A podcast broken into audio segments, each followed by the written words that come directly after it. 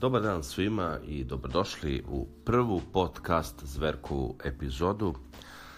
Ja sam nešto odlučio da počnem ovaj podcast, ne znam zašto, ali čini mi se kao cool ideja, vidjet ćemo koliko će to trajati i da li će se uopšte svidjeti.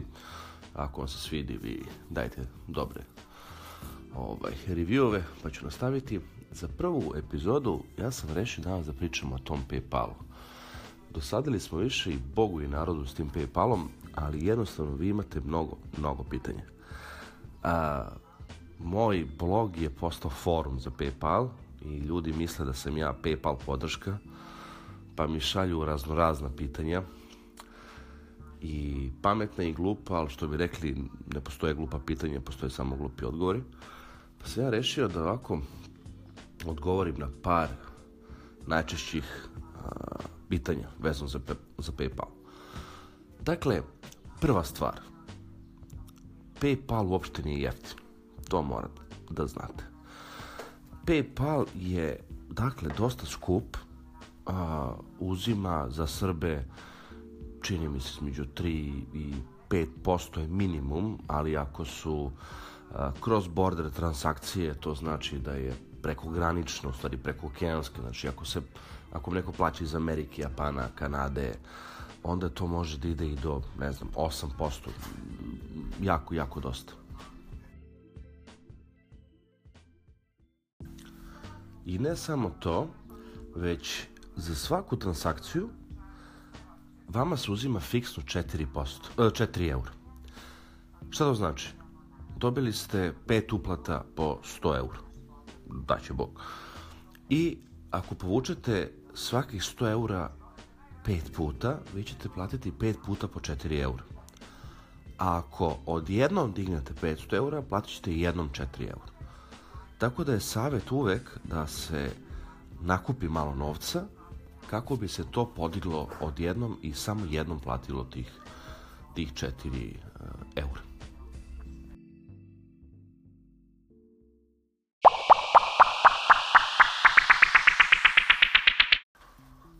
idemo dalje. Dobijam zaista dosta pitanja uh, zašto ne mogu da povučem svoj novac, traži mi neki bankovni račun. Uh, morate biti svesni da i PayPal ima bagove i da se novac može povlačiti isključivo na Visa kartice, znači isključivo.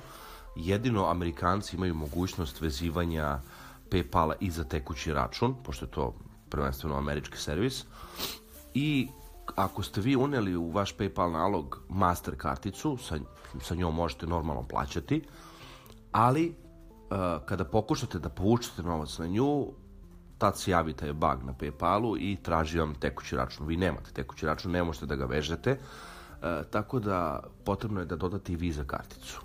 Vi u jednom trenutku na na vašem PayPal nalogu možete imati više kartica, dva mastera, tri vize i onda kada nešto plaćate, birate sa, sa koje ćete kartice da, da platite, a kada primate novac, odnosno radite taj withdrawal na karticu, onda birate vizu na kojoj ćete da se, da se novac uh, uplati.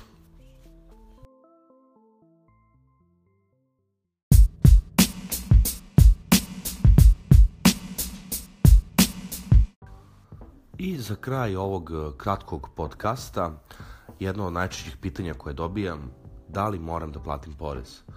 I odgovor je naravno da. Dakle, po zakonima Republike Srbije, za svaku uplatu iz inostranstva koja nije pomoć prijatelja, pomoć porodice ili šta već, vi jednostavno ste dužni da obračunate sami ako, ne, ako znate, ako ne znate uz pomoć knjigovođe i da platite porez. E sada, to što niko ne radi i to što država još uvijek nema mehanizam da vas ukeba ili ima, a neće to da radi zbog održavanja socijalnog mira, jer su porezi nenormalno visoki, jednostavno to ne radi 99,9% ljudi. I ja ih u potpunosti podržavam, ja to uvek govorim javno. Kad god imam mogućnost da ja o tome govorim, ja javno kažem nemojte da plaćate poreze, zato što ako ste recimo freelancer, samo se time bavite, nigde niste zaposleni, nemate nikakvu penziju od, ne daj Bože, pokojnih roditelja, znači nemate apsolutno nikakva primanja, vi ste dužni da platite i do 55% poreza.